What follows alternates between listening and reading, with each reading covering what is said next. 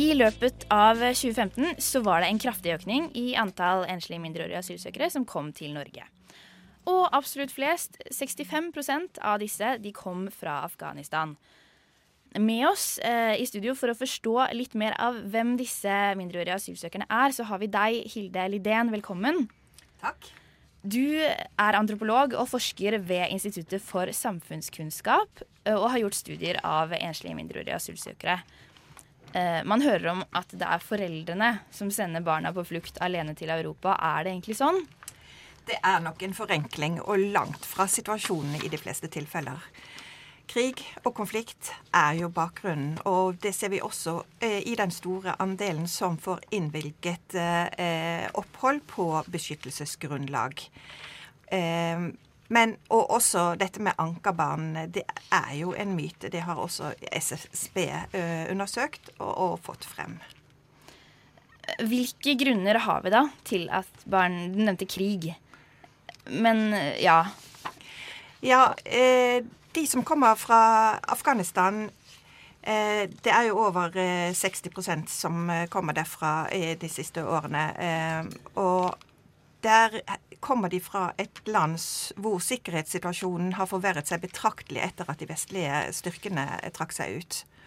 Og samfunnet er sterkt preget av økt destabilisering og endringer i maktforhold.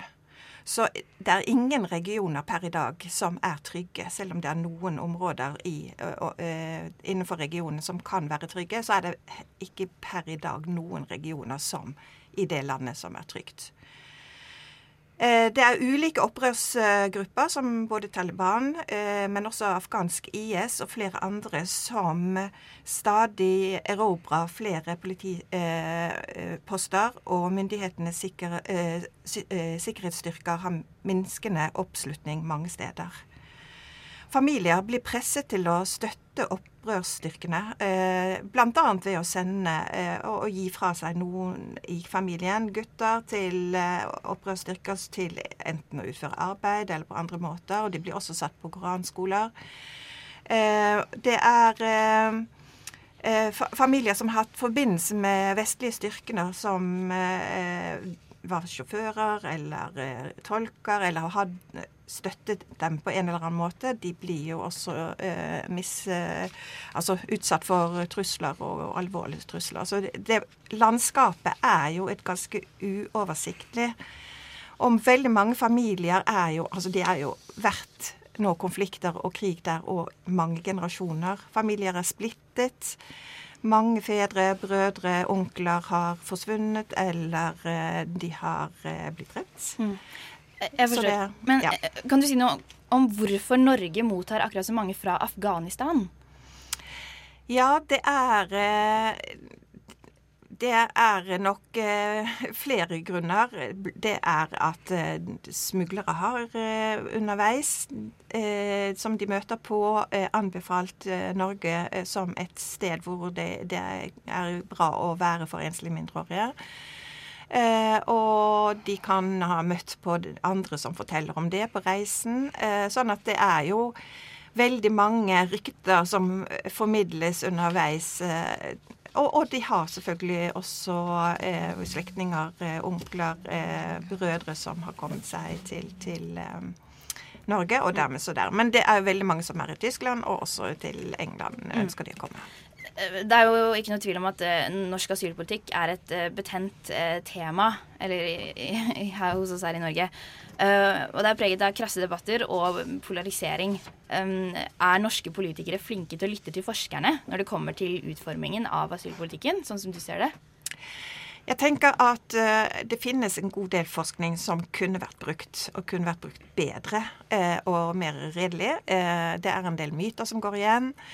Det som også er, slående, er jo at man eh, bruker i liten grad bare én type forskning. Men den kunnskapen vi har om eh, situasjonen i hjemlandene, blir veldig lite brukt inn mot eh, en norsk virkelighet. Vi er veldig sånn nasjonale i måten å tenke bruk av eh, forskning på. Sånn at jeg tenker at tilfanget av kunnskap er større enn det som blir brukt. Mm. Men denne flommen av enslige mindreårige asylsøkere den har skapt behov for å sikre at ungdommene blir tatt hånd om her på en forsvarlig måte. Uh, og den siste tiden så har vi hørt mye om psykisk syke ungdommer i asylmottak, om selvmordsforsøk, og også om ansatte på asylmottakene som sykemeldes pga. de forholdene som de jobber under. Uh, og med oss i studio så har vi også Øystein Kolstad Kvalø. Du er leder i Press, som er Redd Barnas ungdomsorganisasjon. Og så har vi Hilde Krogh, du er leder i Vergeforeningen. Um, aller først uh, Altså, begge deres organisasjoner jobber jo med enslige mindreårige asylsøkere tett, men på ulike måter. Uh, først press. Kort, hvordan er det dere jobber? Mm. Eh, vi jobber ut fra Barnekonvensjonen eh, med barns rettigheter. Um, så da jobber vi med informasjonsarbeid og mye politisk påvirkning. Eh, og også en del aktivisme ute i Vi har lokallag over hele landet som jobber med aktivisme, men har en stor tyngde på politisk påvirkning opp mot uh, både storting og regjering, og også lokalt. Eh, I Vergeforeningen så jobber dere direkte med mm. enslige mindreårige asylsøkere. Eh, kan du si litt Altså, hva er egentlig Vergeforeningen? Eh, Vergeforeningen det er en frittstående og ideell organisasjon som, eh, som, jobber for å sikre at de, de, mindreåriges omsorgsbehov og rettigheter blir ivaretatt. Og støtte vergene i deres arbeid for nettopp dette. Og så er vi også opptatt av å, å bidra til at de enslige mindreåriges eh, kår blir bedret i Norge. Og det er en, en spesiell utfordring akkurat nå. Mm. Eh, det er barnevernet som har ansvaret for enslige mindreårige asylsøkere som er under 15 år. Men fra de er 15 og til de er 18, så er det UDI som har omsorgsansvaret. Eh, hva er konsekvensene Eller kan du si litt om hva dette innebærer for uh, ungdommene, Kalu? Mm. Um, barnevernet har jo en helt andre krav til, eh, til kompetanse, helt andre krav til bemanning enn det, enn det um, man har i et mottak. Uh, noe som gjør at barn får veldig forskjellig omsorg. Du får mye bedre omsorg, mye tettere oppfølging i barnevernet uh, enn hvis du er plassert hos UDI i mottak. og det vi mener, det er jo at det er en diskriminering. og Eh, forskjellsbehandle barn på den måten. At man politisk bestemt sier at uh, barn mellom 15 og 18 som uh, ikke er etnisk norsk, um, ikke skal få den samme omsorgen som norske barn får. Hvis du er mellom 15 og 18 og født i Norge, så får du omsorgen av barnevernet hvis, uh, hvis du ikke har foreldre eller andre omsorgspersoner. Men det er en diskriminering av barn å si at, ja, at noen barn er mindre verdt og ikke fortjener samme gode omsorg. Mm. Eh, Krog, kan du si litt kort om hvordan, hvilke erfaringer altså Hvordan har egentlig disse ungdommene det på mottak? Altså, eh, kommer jo litt an på deres eh, generelle situasjon, men nå lever jo mange, og spesielt de afghanere som vi nå snakker om nå, de lever jo med tidsbegrenset midlertidig opphold fram til de 18. Og de har det rett og slett helt forferdelig. De har mistet håpet, rett og slett. Og de blir syke av dette, blir psykisk syke. De orker ikke å stå opp om morgenen, de orker ikke å delta i aktiviteter. Og nå, man, nå skal man sette inn flere ressurser i forhold til Eh, ikke sant, å ta vare på de mindreårige i mottak. Men eh, slik som vi ser det i Vergeforeningen, så er det ikke dette det dreier seg om. Det dreier seg om de tidsbegrensede midlertidige oppholdstillatelsene. Ja, for det har jo blitt en endring i loven her. Eh, innledningsvis så nevnte jeg at i 2015 så var det 15 eh, som var under 18 år, som fikk innvilget midlertidig oppholdstillatelse, mens de andre fikk da innvilget en annen type oppholdstillatelse mer på permanent basis. mens mm i, i 2016 så økte midlertidig opphold til 320 tilfeller. Kan ikke du si litt, eh, Rommetveit, om hva denne endringen egentlig dreier seg om? Ja, jeg vil bare aller veldig kort først presisere at det er to typer ulike midlertidige oppholdstillatelse. En fordi du ikke har fremlagt dokumentasjon. Um, og det, og først vil jeg også si at Dette er personer vi ikke anser som har et beskyttelsesbehov. De får da opphold på humanitært grunnlag eller pga. sterke menneskelige hensyn. Eh, de som eh, Krog refererer til, som får tillatelse frem til de er 18, det er der de kun har um, mangel på forsvarlig omsorg ved retur som grunnlag for opphold i Norge. Uh, og da når de da fyller 18 år, så er det lagt opp til at de da skal forlate Norge. Sånn er det. Og den endringen, økningen, skyldes to forhold. Det var en, en endret vurdering av sikkerhetssituasjonen i Afghanistan Ingen mente at det var bedret situasjon, men det var en eh, litt lavere terskel for å anse noe som eh, høyere terskel for å anse noe som usikkert. Eh, og den andre endringen skyldes eh, lovendring som ble vedtatt av Stortinget i fjor og trådte i kraft 1.10, der det nå ikke lenger er et vilkår at det er um, um, rimelig å henvise deg til internflukt. Mm. Jeg ser du tegner deg, Liden. Ja, eh, jeg tenker at det er viktig dette med den rimelighetsvilkåret, som er et veldig sånn viktig eh, moment i forhold til hvorfor det har nå endret seg, dette bildet, så drastisk. Det er jo at eh, rimelighetsvilkåret nå ikke, eh, det ikke er ut fra asylgrunnlaget, eh, men fra sterke menneskelige hensyn. Så nå kan man, selv om man har beskyttelsesgrunnlag, men det ligger eh, en førsteprioritet at man skal returnere som intern, eh, til internflukt for eh, i hjemlandet, så tenker man at det skal man gjøre når eh, de er 18, sånn som det gjelder for voksne afghanske. Og dermed så får man er da ikke innvilget asyl på rimelighets, uh, ut fra rimelighetshensyn, sånn som man gjorde før på asylgrunnlaget, men det er ned på sterke menneskelige hensyn. Og da legger man ikke det grunnlaget for at de er eh, barn i den situasjonen som de er når de er over 18, så dermed så får de avslag. Sånn at det er en logikk som ligger i den endringen det er komplisert, men ja, det, det, er, eh, det, er, eh, et, eh, en direkte eh, konsekvens av måten man tenker eh, beskytt, hvem som har beskyttelsesgrunnlag, og hvordan eh, man skal ha internflukt som reell vurdering for dem. Hmm. Nå løper tiden helt fra oss her.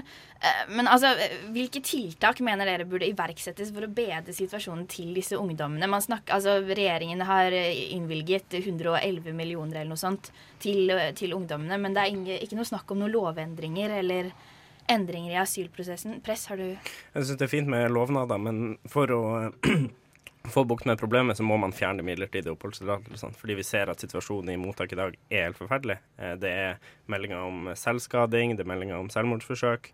Eh, så ved å fjerne midlertidige oppholdstillatelsene, så sikrer man at, eh, at, man får en Eller at, da sikrer man at mange barn får det mye bedre, og ikke lever et liv på vent. Ja, eh, jeg støtter press fullt ut der. Eh, og i første omgang så må man jo selvfølgelig fjerne rimelighetsvilkåret. Fordi, eh, fordi det når man, hadde, når man da vurderte at om det var rimelig å sende folk tilbake, så, så, så, så vurderte man også ikke sant, kan de sendes tilbake til et sted hvor de ikke har nettverk, f.eks. Det, det, det gjorde man veldig ofte ikke tidligere. Mm. Det gjør man nå.